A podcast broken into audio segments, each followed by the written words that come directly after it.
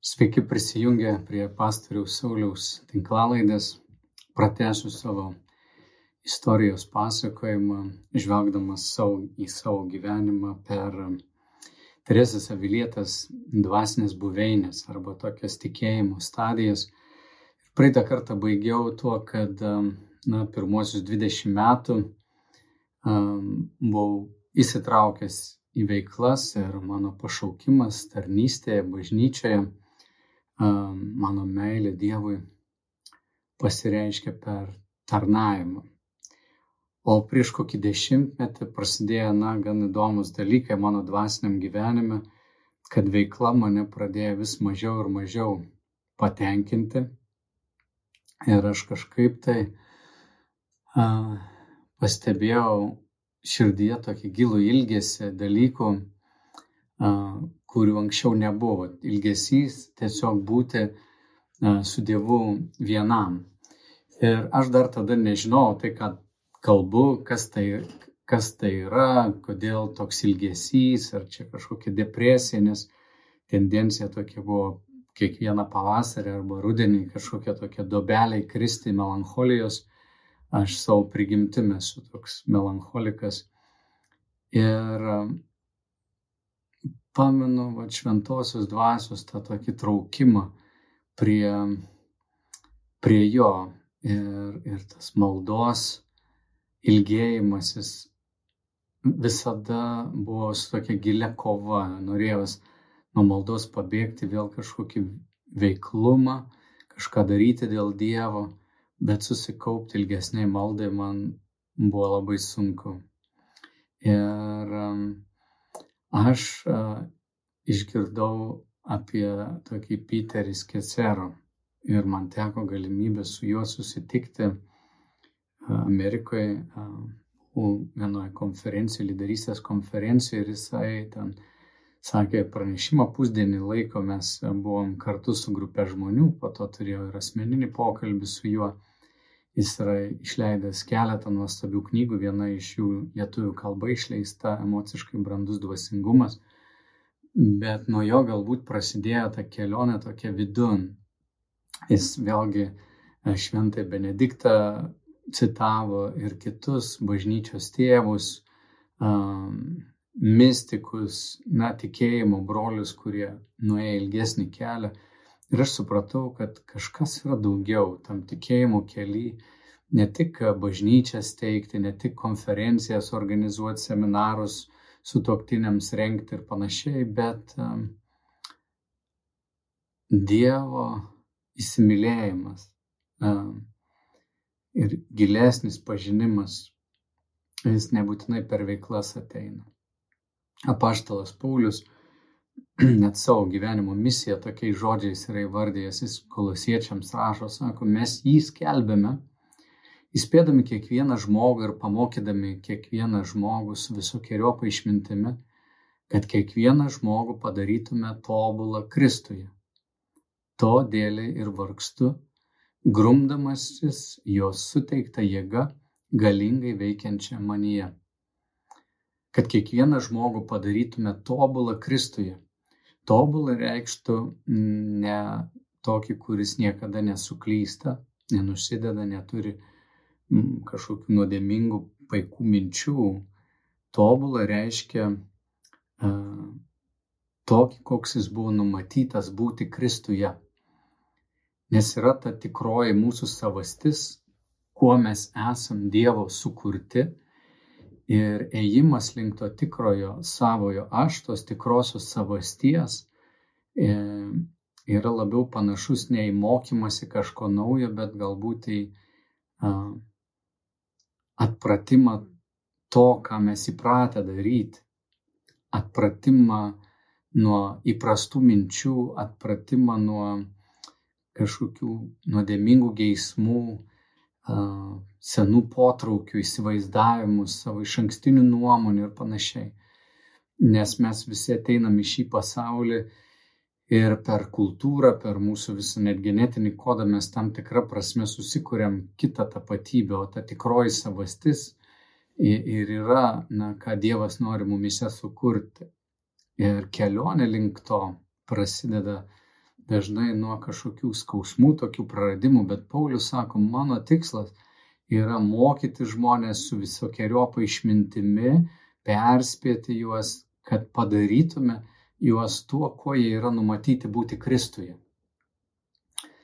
Tai čia Teresė Vilietė, jinai tą kelionę, tokį posūkį nuo didelio veikimo į tokį labiau um, atsigrėžimą į Dievą ir buvimą su juo įvardė kaip ketvirtąją buveinę, ją pavadinusi jo meilės paliesti. Aš paskaitysiu, na, tokį trumpą apibūdinimą.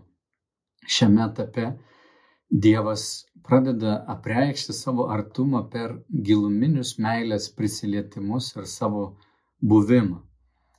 Tikinčiajam suteikiamus užuomasgos pamatyti ir pajausti Dievo maldoje ir gyvenime krikščionio dėmesys šioje buveinėje labiau krypsta ne į dovanas, o į tų dovanų teikėją.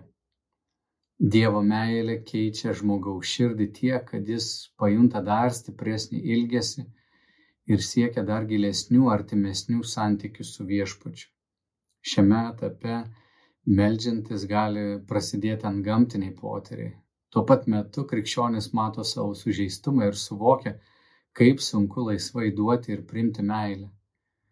Keturios paskutinės sielos buveinės, pasak Šventos Teresės, pasižymi pasivumu. Čia malda yra labiau klausimasis, bet kartu persipina Dievo suteikta ramybė. Na ir mano gyvenime tai vėlgi prasidėjo nuo tokių pokyčių maldoje. Pirmą kartą aš pradėjau maldose sustoti ir labiau klausytis, nei monologais kalbėti. Ir negaliu pasakyti, kad visiškai sustojau veikti, aš toliau dirbom pastoriumi mano galvoje, e, tos pačios konferencijos, seminarai, mes tuo metu rengiam per juokus į geresnę santoką seminarus įvairiuose Lietuvos miestuose, tai darydavom su nuostabi komanda, tai irgi teikia daug džiaugsmo tuo metu šeimoje mes turėjom jau savo tris vaikus ir paėmėm tris seseris globoti.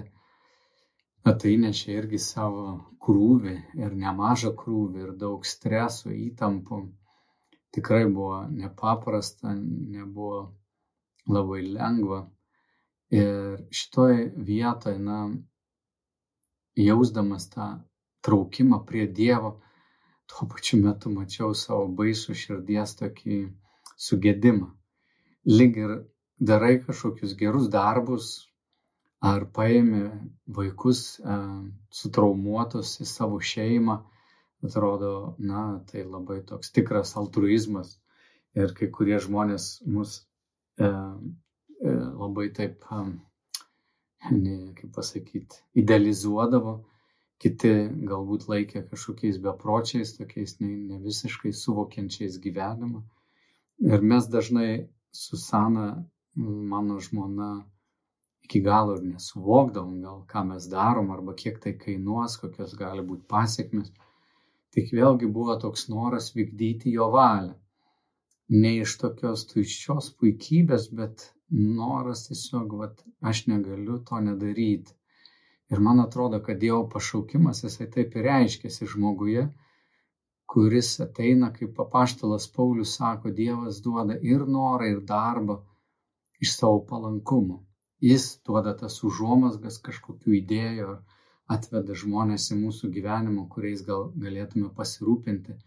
Bet mano fokusas labai stipriai pradėjo keistis nuo to, kaip man čia tarnauti ir viską gerai padaryti, to, kad Dieve aš noriu tave labiau pažinti. Ir iš to, kad aš noriu Dievui patikti, labai pradėjęs man matyti širdyje ir tiem, kaip čia pasakyti, na, mano paties tas nuodėmingumas, jis vis labiau ir labiau reiškės. Bet čia pat aš perskaičiau Piterio Skesero knygą žinoma, kaip pastorius, toj poliau visus kitus mokyti apie tai. Ir dabar tai, ką kalbu, žinot, kai kuriem iš jūsų reiks dar dešimtmečio ar dviejų ateiti iki tokio taško, bet aš vis tiek noriu, kad tu išgirstum apie tai ir kad tai teiktų tau paguodą ir žinotum, kad šventoji dvasia tave vesi tokias, na, įtartumą. ir kad viskas nesibaigia tik tais efektyvumu, stebuklų gausa ar ten dar viena nauja kažkokia pradėta veikla dėl Dievo.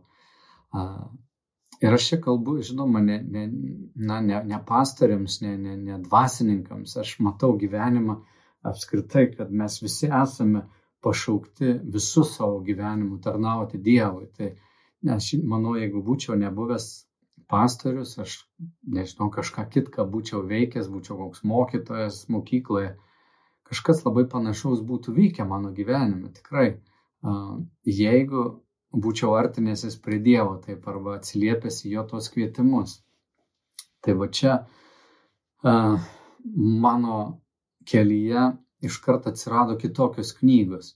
Vietoj knygų, kurios buvo tokios apie lyderystę, kaip efektyviau suburti komandą ir visa kita, aš pastebėjau, kad turbūt yra kiti žmonės, kurie ateis tai darys, bet mano tarnystėje buvo labai daug tų elementų, tokio administravimo, tvarkymo ir mane tai kankina ir aš pradėjau na, skaityti knygas, viena iš jų papuolė į mano rankas Tomo Ešbruko knyga vadinasi angliškai um, The Mansions of the Heart, uh, širdies buveinės.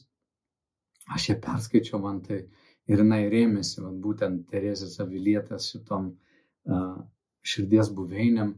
Uh, Tomas Ežvrukas, Luteronų kunigas, uh, parašė ją irgi perėjęs per tokią kelionę kaip ir mano ir supratau, kad daugybė žmonių eina panašiu keliu. Jis yra tūkstantmečiai jau mintas kitų žmonių ir kad čia ne kažkas išskirtinio, kas vyksta su manim, bet tai kartojas vėl ir vėl, žinoma, ne tomis pačiomis aplinkybėmis, bet ta vidinė kelionė yra na, panaši žmonių. Ir kai aš perskaičiau tą knygą, atsirado vėl aiškumas, dar gilesnis toks suvokimas, kur aš esu toj dvasiniai kelioniai. Ir įdomu, knygos pabaigoje buvo toks testas, kurį padaręs gali suprasti, kokioj e, toj kelionės stadijoje esi. Aš padariau tą testą, tik toks gudrumas tame teste, kad užsimokėjus už jį, tu ne tik rezultatą gauni, bet ir trumpą konsultaciją su žmogumi, kuris, na, galėtų tau pakomentuoti, kas įvyko arba kur tu esi išsiaiškinti, ar tikrai tu supratai, kaip tu į tos klausimus atsakinėjai.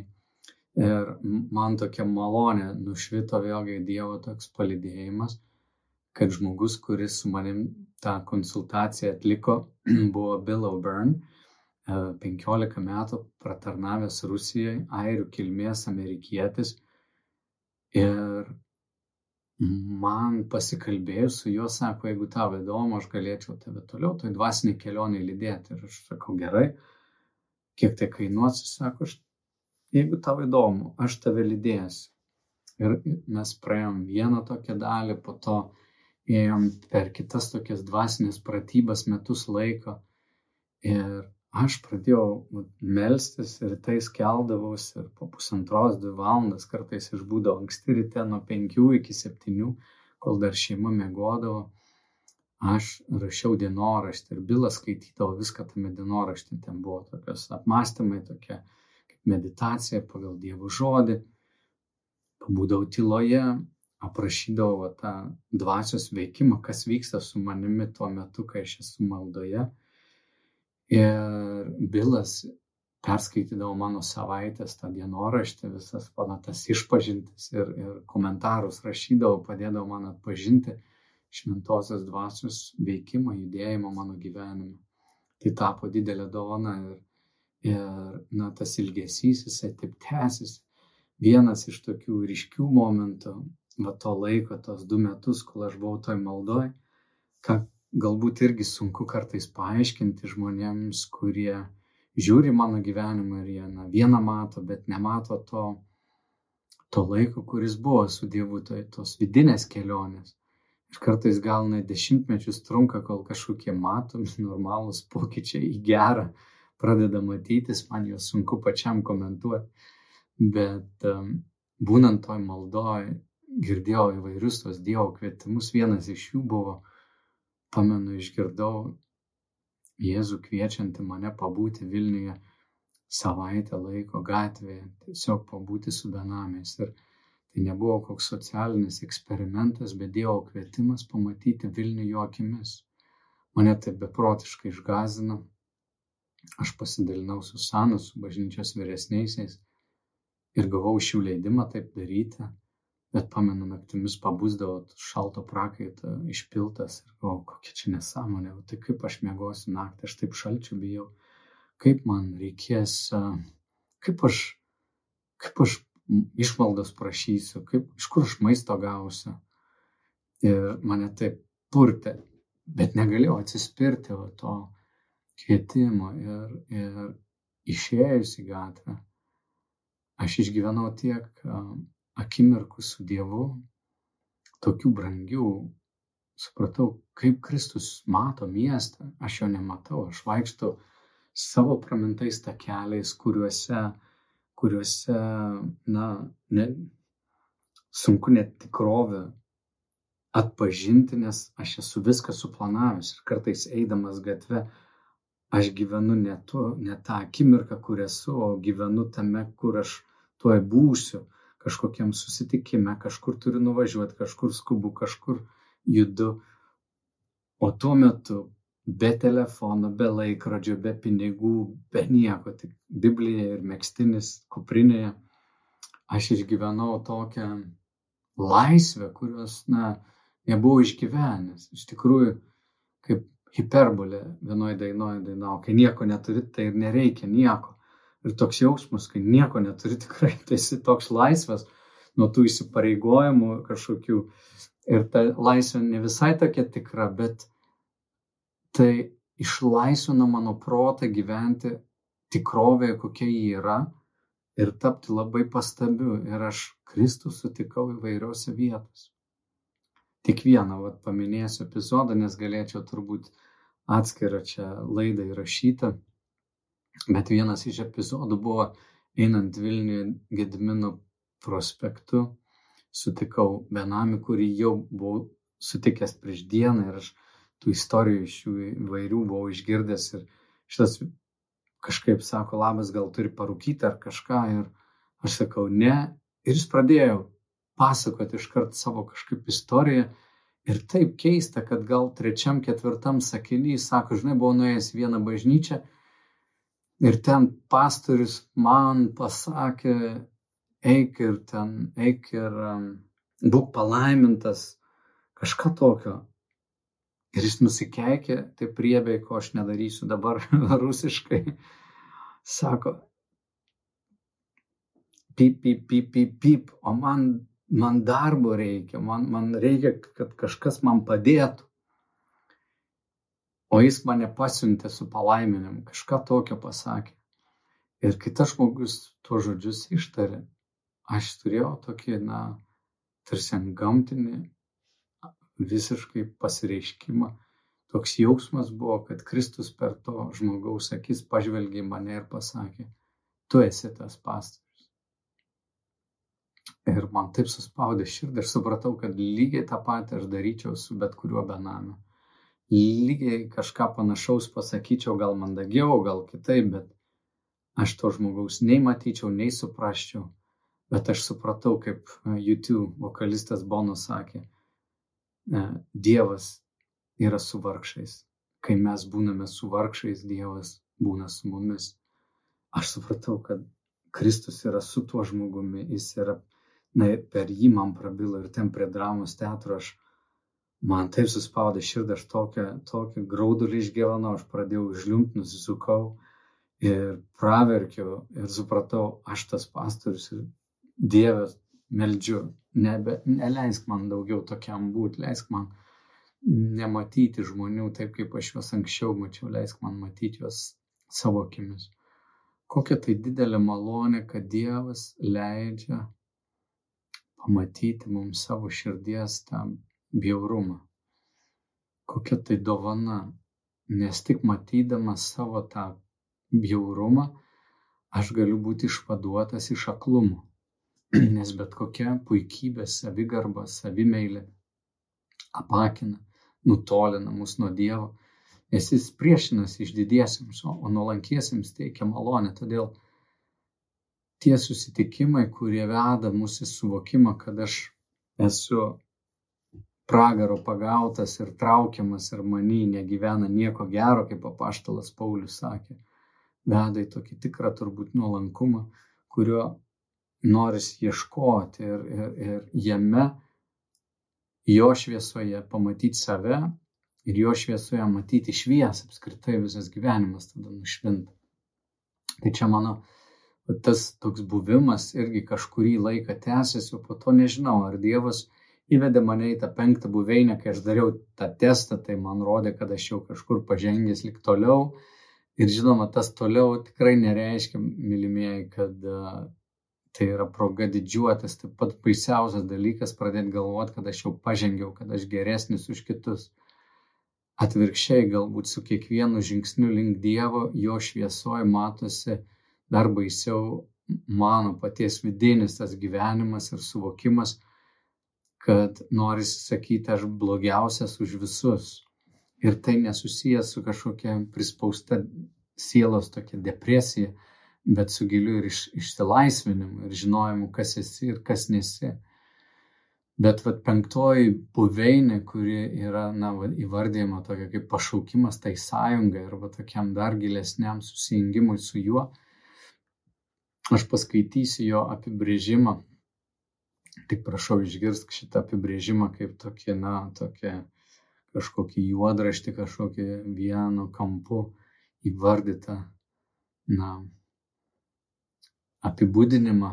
Ne, tai joks neišsamus ir netikras, na, toks apibrėžimas, bet jis galbūt tam tikros gairės, tam tikri štrichai, kurie na, neparodo viso paveikslo, bet vis tiek gali mums padėti. Tai penktoji buveinė pašaukti sąjungai. Tai pereinamas laikotarpis, kai mokinystės esmė krypsta nuo veikimo prie buvimo, nuo tarnavimo prie mylėjimo. Dievas kviečia, kviečia tikinti suvokti ir gyventi pagal kunigo maldą, kurią meldėsi ir gyveno Jėzus būti viena su tėvu. Tai kvietimas vienybei sąjungai su Dievu. Šventosios Teresės įsitikinimu dauguma krikščionių dažniau ar rečiau apsilanko penktoje buveinėje. Krikščionio maldos gyvenimas pasižymi reguliaria kontempliacija, gilia tyla laiku, skirtu tiesiog pasibuvimui su Dievu. Alkis, kurį krikščionys jaučia Dievui stiprėja, krikščionio motyvai nuskaistinami tuo pat metu žmogus vis labiau suvokia Dievo švelnumą, lygindamas su savo nuodėmingumu. Būdami penktoje buveinėje tikintieji dažnai jaučia nepasitenkinimą dėl to, kad negali adekvačiai tarnauti Dievui. Vis atrodo, kad esi taip toli nuo tikslo Dievo numylėtajam, stengiantis kuo tyriau pasitarnauti Dievui, stiprėja savo sužeistumo suvokimas. Tikintysis trokšta išgydymo, kad galėtų laisvai mylėti ir būti mylimas. Šiame etape, pasak Šventos Teresės, Marija ir Morta išmoksta veikti iš vien, darbuotis kartu. Mes patarnaujame viešpačiui ir mylime kitus. Na, tas ėjimas nuo veikimo primylėjimo prie buvimo su juo tikrai aš jau užsiminiau turbūt netgi kalbėdamas ir apie tą ketvirtą buveinę. Žinoma, nėra jokios ryškios linijos, akivaizdžių durų, kurias peržengtum ir sakytum, štai aš iššokau iš ketvirtos į penktą, ops, dabar papuoliau vėl atgal į ketvirtą. Tas vaikščiojimas yra gal ne visai toks pastebimas, bet um, suvokimas gilėjantis, kad mano nuodėmės jos yra didesnės subtilesnis, nei aš anksčiau įsivaizdavau, tikrai pradeda stiprėti. Ir lygiai taip pat tas buvimas su Dievu, ilgėjimasis jo tylos maldos, klausimuose arba na, ilgesnės maldos kalbomis, tai irgi Dievo dvasios dovana, kalbėjimas kalbomis gali būti na, panašus toks efektas, kada tu išbūni ilgiau maldoji, tavo, na, tas smegenų ta dalis susijusi su loginiu mąstymu, ta, ta va, priekinė smegenų dalis, jinai labiau ap, tarsi apmiršta ir O vat, vidinės tos smegenys, tas pagumburis ar kaip ten, kuri ta smegenų dalis, kur intuicija yra, kaip Paulius sako, kai melžiuosi dvasia, mano protas lieka nevaisingas, aš melžiuosi dvasia, kartais melžiuosi ir protu, tai yra kažkokia žinoma kalba, bet tos maldos jos darosi irgi truputį kitokios, tylėjimas ar ilgesnės maldos veda prie tokio, na, gėrėjimosi Dievu, pabuvimo su juo. Ir čia galbūt viešpats gali atidengti, parodyti, koks jis yra. Tas pažinimas jau nebesusijęs su jo veikla, nebėra taip, kad tu mylėtum, na, tik dovanas, iš tiesų netgi dovanas, kurios ateina į gyvenimą. Um, jos nukreipia jau žvilgsnį į, į, į davėją. Ir aš gyvenime netgi, žinot, mokausi taip atiduoti ir priimti tinkamai. Net neseniai su Sana pažiūrėjom, kad mes turėjom 11 automobilių, šeši iš jų padovanoti mums. Ir kartais tiesiog nėra galimybės įsigyti automobilį ir kažkas padovanoja, kai mes mergaitės priėmėm į savo šeimą, neturėjom nei rūbų, nei baldų, nei ten E, daiktų, kurių jiems reikėjo ir automobilio neturėjom, reikėjo aštuonių vietų, tai viena šeima, mūsų draugai padovanojo mums autobusėlį. Tai aš taip žiūriu, kad, na, tos dovanos jos ateina, bet jau jų net ne, nebeįvardyti, ojojoj, koks čia didžiulis stebuklas. Priimė tai kaip dovanas, aprūpinimą, vos netokį, netgi tą žmonių gerumą priimė kaip tiesioginį Dievo prisilietimą.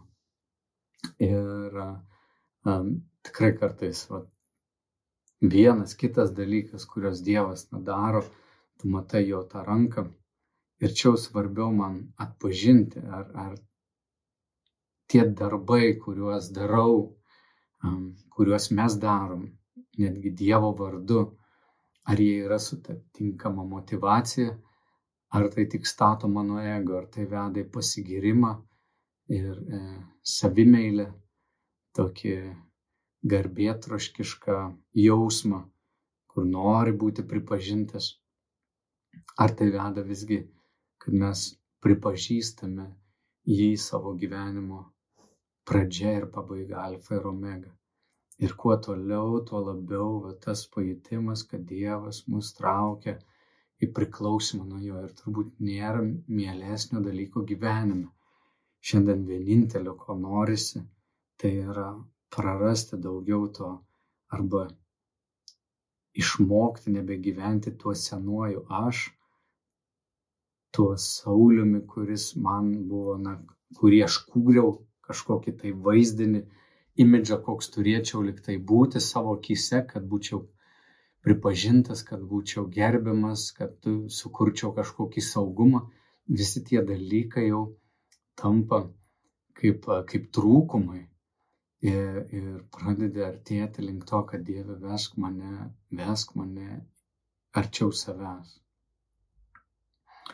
Ir čia turiu, na, perspėti kiekvieną, kad kai mes žengiam turbūt į tą kažkokią kitą stadiją ir šventojo dvasia mūsų traukia, labai norisi visiems kitiems to primesti bet šiandien suprantu, kad kiekvienas turim savo laiką ir neina nu, peršokti kažkokiu etapu, o daug tų žingsnelių link Dievo pasireiškia na, įvairiomis kančiomis, netgi būtinais kentėjimais. Ir pavyzdžiui, dar vieną pavyzdį duosiu, kaip viešpats mus palaimino mūsų ketvirtuoju biologiniu vaiku ir mūsų dukrytė Įva gimė su Dauno sindromu. Daug kas jūs žinot apie tai. E, vėlgi tai šokas. Tai šokas, nes tu atsiduri kitoj socialiniai kategorijai. Supranti, kad daug žmonių į tave jau žiūrės visai kitaip. Bus tų, kurie sakys, o tu sugebėjai mylėti tokį, o kiti sakys, wow, už ką jam taip, treti sakys, oi, kaip bjauru, fu, aš net negaliu žiūrėti. Ir, žodžiu, nuolat teks su tuo gyventi. O aš žiūriu, kaip Dievas paruošė širdį ir davė mums dovaną, davė mums a, tikrai dovaną. Šiandien aš žiūriu visus žmonės su negale kaip ypatingas dovanas, kažkokius šventus asmenis, kuriuos Dievas išbarstė mūsų čia žemėje, kad per juos mūsų širdis galėtų minkštesnis tapti. Ir vėlgi galvoju, tai tokios didelės Dievo malonės, kurias šiandien na, priimu kaip neužtarnautą visiškai Dievo dovaną ir jo palankumą. Vėliau Dievas įdėjo mūsų širdis ir dar vieną vaiką priimti mūsų šeimą, kuris turi Dauno sindromą. Aš negaliu sakyti, kad kažkada tai širdyje buvo ten kažkokios meilės ir dabar negaliu to girtis. labiau jaučiu, kad Dievas duoda palankumo e, priimti, mylėti ir kažkaip plėsti va širdį. Bet širdis jau nebežiūri į šituos dalykus kaip į, o ką aš galiu čia dar dėl Dievo padaryti, bet labiau, kad priimi gyvenimą, na, tokį, koks jis yra ir viską, ką Dievas duos, reiks priimti ir didžiausios kovos yra vėl pasileisti tas, kaip aš vadinu, Sauliaus kelionės, bandant įrodyti savo ir kitiem, kad aš kažką galiu, kad aš kažką pasieksiu, kad aš kažkam kažką įrodysiu ir tai yra iš pasąmonės. Kartais nemaloniai elgiuosi su žmonėmis vien dėl to, kad mano ego yra užgautas ir dėl to labai išgyvenu ir, ir atgailauju ir verkiu ir sakau viešpatie pasigailėk, aš tikrai bjaurus, baisus nusidėjėlis ir su ta kančia tenka gyventi. Anksčiau aš dėl jos taip nesisielodavau kaip dabar. Ir niekur neina pabėgti iš to kelio. Ir su tokiu lūkesčiu žvelgiu tolyn, kai skaitau vat, apie šeštąją buveinę, septintąją, aš apie jas ne, nekalbėsiu, nes nemanau, kad turiu labai daug apie tai pasakyti, bet kitose dalyse noriu grįžti prie pamokslų ciklo, kurį, kurį pamokslau 2015 metais, tai jau beveik prieš aštuonerius metus. Ir aš kalbėjau apie tas e, buveinės ir kai kurias tas dalis aš norėčiau vėl uh, įdėti į, savo šitą tinklalaidę. Ten gal daug išsameu kiekvieną buveinę apibūdinu, bet čia šitose dalyse norėjusi man na, savo kažkiek to vidinio pasaulio atspindėti nesileidžiant į, į, į, į didelės detalės. Aš džiaugiuosi kad, ir viliuosi, kad su kantrybė tu galėjai klausyti, išklausyti. Mano tikslas, na, kalbėjimo miesto bažnyčia, kad mes kaip bendruomenė auktume į tą Jėzaus sekėjų tokią grupę tų mokinių, kurie, kurie yra pasaulyje, bet ne iš šio pasaulio, kurie tampa vis labiau ir labiau atsparus pasaulio dvasiai, seka Jėzum ir nori, nori būti ištikimi jam ir um, įeiti vat, į kiekvieną tą kertelę, kiekvieną tą kambarėlį, kurį, kurį Dievas mums nurodės ir šventoji dvasia mus pakvies. Ir aš meldžiu, kad tu šventoji dvasia kiekvieną, kuris klausosi, uh, dabar um, tu lydėtum, kad jie irgi artėtų prie tavo gilios meilės ir pažintų tave, mūsų didenybę, mūsų karalių ir valdytojų. Ir kad mes radę tą gyvenimo ritmą galėtume pašvesti vis didesnį ir didesnį savo gyvenimo dalį tau. Į tėvę šventink mūsų savo tiesa ir šitomis tiesomis, kurias aptarim. Amen. Ačiū, kad buvai ir iki kitos dalies